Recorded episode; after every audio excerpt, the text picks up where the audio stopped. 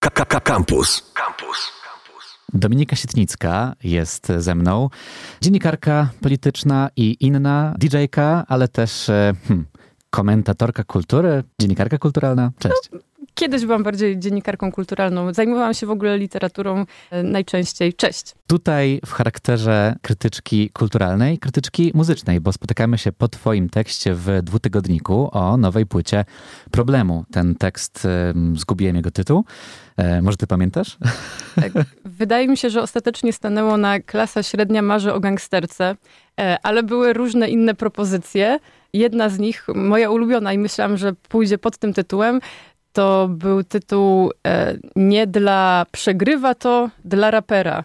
Nie wiem, czy kojarzysz taki, to jest taka fraza właśnie znana z, z tych takich e, past różnych na forach typu wykop e, i ja w tym tekście wspominam właśnie... No właśnie, bo chciałem ci, chciałem ci zostawić ten cytat na drugie wejście. Okej. Okay. no wyciągnięty w lidzie zrobił e, trochę szumu na Facebooku, ale tutaj to, to, nie jest oskarżenie. Po prostu jestem ciekaw, wiesz, rozpakujmy to, bo pisze mhm. rzeczywiście, że odbiorcy problemu są trochę jak incele czytający harlekiny, czyli słuchają kawałków, w których się ich obraża, tak jak e, incele czytający teksty o bogatych czadach, gdzieś tam odnoszący wyimaginowane sukcesy e, życiowe, mm, w zamian dostając zastrzyk adrenaliny i możliwość utożsamienia się z bohaterem.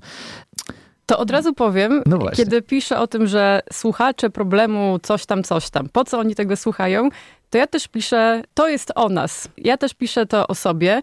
Pewnie o tym zaraz będziemy rozmawiać, jakie są nasze wrażenia z tej, z tej najnowszej płyty, która jest takim podsumowaniem kariery problemu. Ale ja pamiętam dobrze e, to uczucie jakiegoś takiego wręcz objawienia, jak oni się pojawili te 10 lat temu na scenie. I e, no, dla mnie to była duża fascynacja też. To było coś takiego nowego, co, co kopało cię po głowie oryginalnością. Więc e, to jest też pytanie do mnie, co nas tak bardzo fascynuje w, mm, w tej muzyce. Jako żywo ja nie, nie pędzę takiego żywota jak bohaterowie czy podmioty liryczne tych utworów, Oscara, tych tekstów, więc e, no to jest takie pytanie, o co chodzi, tak? Te teksty są bardzo sformatowane. To wiedzą wszyscy, którzy, którzy słuchają tej muzyki. Tamci bohaterowie no, są po prostu gangsterami, robią coś w półświadku najczęściej. E, Wyliczanka wykopowa e, fragmentów e, tekstów, gdzie tam użytkownicy wyliczają, w ilu kawałkach są pieniądze, narkotyki, kobiety, drogie samochody i tam ciuchy. I w każdym jest co najmniej jedna z tych kategorii, bodajże. Tak, tak. Ale, um, ale wiesz, w, w, ogóle w rapie też e, robi się, mm, wiadomo, że od tego się trochę odchodzi, tak? No bo są już tacy bohaterowie, jak na przykład Taco Hemingway, który jest dlatego relatable e, dla wielu, wielu osób, zwłaszcza milenialsów, czy tam też nawet zetek, no bo to jest taki grzeczny chłopak, który o takich doświadczeniach wrażliwych chłopaków opowiada. No właśnie, zatrzymajmy się na hmm? tym, nie? Bo to, bo, to, bo to wszystko nie jest nowe, nie? Jakby problem wydał płytę na dekadę twórczości. Taco Hemingway też już jest niemłody. W każdym razie od debiutu... Obrażasz, obrażasz milenialsów. nie wypominam mu wieku, tylko chodzi mi o to, że już trochę czasu od Trójkąta Warszawskiego upłynęło. No też tak z 10 I... lat, nie? Tak mi się wydaje. Cirka, nie pamiętam. Coś... Może przesadzam, może to było 2014, 15? No to 14 tak. to byłoby 10 lat, wiesz, okay. Dominik. O nie.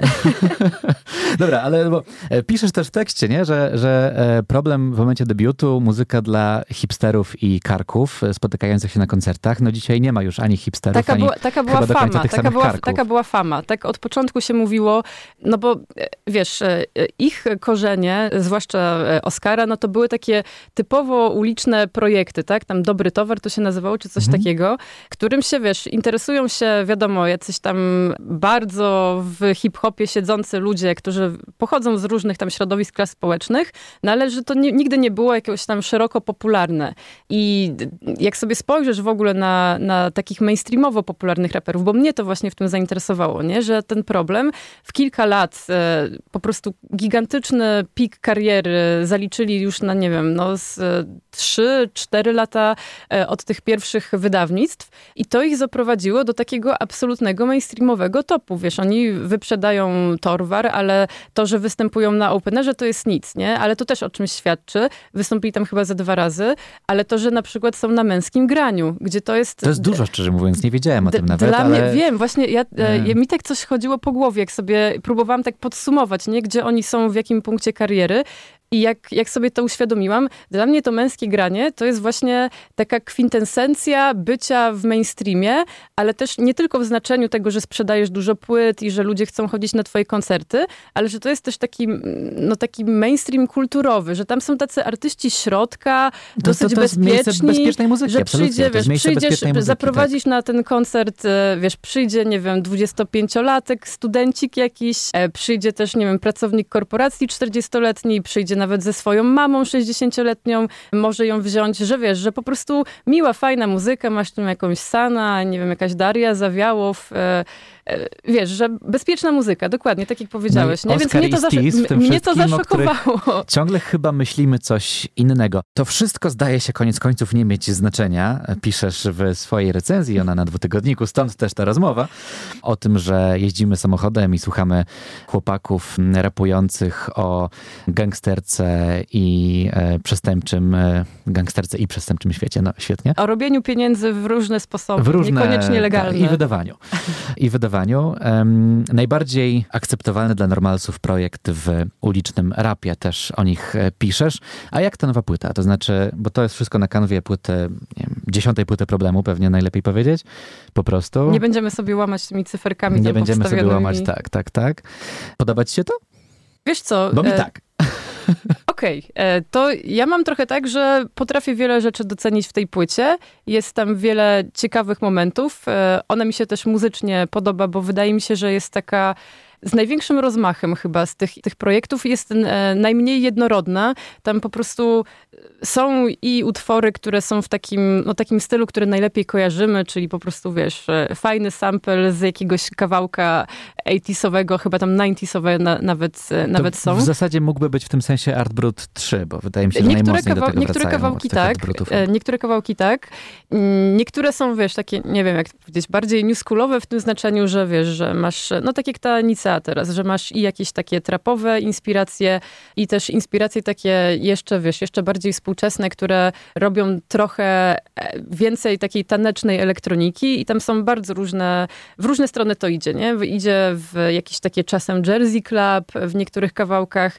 Jest tam jeden taki utwór, już nie pamiętam tytułu, ale który jest zrobiony w ogóle jak afrobeat. Nawet tam zwróciłam na to uwagę, że to brzmi w ogóle jak Major Lazer sprzed paru lat i też jest -hmm. taką, wiesz, takim storytellingiem zabawnym, haha. No to wspaniale, coś dla każdego. Nie, no tak, to jest, e, to, ona, jest, ona jest, muzycznie jest bardzo różnorodna i ciekawa. E, muzycznie też e, z tej perspektywy wkładu Oscara ciekawe jest to, jak dużo tam jest śpiewu. Niektóre kawałki są całe takie prześpiewane właściwie i tutaj, wiesz, tu różne odczucia można mieć. Bardzo kontrowersyjny śpiew. Ja byłam, Ty ja byłam... piszesz o nim per popek. Wiesz co, ale to też nie jest, to też nie jest jakiś dis straszny. Mhm. Bo e, jest kilka utworów popka, którymi ja na przykład jestem szczerze zafascynowana. Na przykład e, ten kawałek Wszywka. Akurat tam nie popek śpiewał, tylko tam ten Daniel, czy jak się nazywał ten koleś. No ale e, wiesz, jest taki, taki sznyt takiej muzyki podwórkowej, gdzie facet ma taki nie do końca wyrobiony wokal i po prostu tak, wiesz, taką emfazą coś tam zaśpiewa, wiesz, że z męskiej piersi się wyrwało. I mam wrażenie, że, że niektóre, mo możliwe, że to jest przez miks, to jak jest miks, jak wokal jest zmiksowany z muzyką, że właśnie wzbudza takie skojarzenia, że jest, jest taki, y, surowo bardzo to brzmi, e, że tak jak wiesz, masz e, e, w rapie często się wykorzystuje wokal, tak, że to są już takie kawałki mm, hip-house'owe, nie, gdzie tam masz dużo nie, śpiewu. Tutaj faktycznie jest śpiew z takim masz, blokiem, nie? Na, tak, na, tak, na tak, tak, tak, że wtedy masz tak to bardzo gładko zmiksowane, tak, że to jest po prostu radiowy kawałek, to te kawałki nie są radiowe, pomimo śpiewu. Dobra, i czy mhm. ty to kupujesz? Bo ja mam takie wrażenie, że hmm, wiesz, jak 10 e, lat, jesteś 10 lat po debiucie udanym debiucie w branży, no to trudno się spodziewać dzisiaj od problemu, wiesz, tej mm, legendarnej rapowej autentyczności, nie? To znaczy, umówmy się, że to byłoby w ogóle, w ogóle dla mnie um, kategoria autentyczności to jest... E... Jest nie najmądrzejsza, powiedzmy, w tak. odniesieniu do, do, do muzyki, mówiąc. tekstów kultury, no takich rzeczy. Ale jak nie tego, no to ja chyba jestem zadowolony z tego, że dostajemy, wiesz, Art Brut 3 w tym sensie, że dobrze znane kawałki, wszystko tak jak lubimy. No, też piszesz o tym, że oni tak zaczynają Mayday chyba, tak? Nie, nie Mayday. E, mm. Mayday? Mayday. Ma Typie powiedziałeś dość o hajsie. Tak, tak, tak, tak. E, tak. Tam Wola Spoko Magdzie, tak? Jakby oni są, na, okay, na, pe na pewno jest tak, że są bardzo samoświadomi, tak? Pisać że... teksty krytyczne albo, nie wiem, bawić się w łonę z jakimś takim pomysłem bardziej rzeczywiście literackim. Tam są, to... tam są takie próby. Tam jest ten kawałek False Flag, tylko ja tam nie wiem, czy to jest, e, czy to jest serio, czy nie serio, nie, gdzie chyba... lista... E, no ale wiesz, z drugiej strony... Chyba nie. Okej, okay, mam nadzieję w takim razie. Ale, e, ale wiesz, no na pewno tam jest taka próba, żeby pokazać się z tej strony, że wiecie, wiemy, co się dzieje, że są różne takie teorie spiskowe.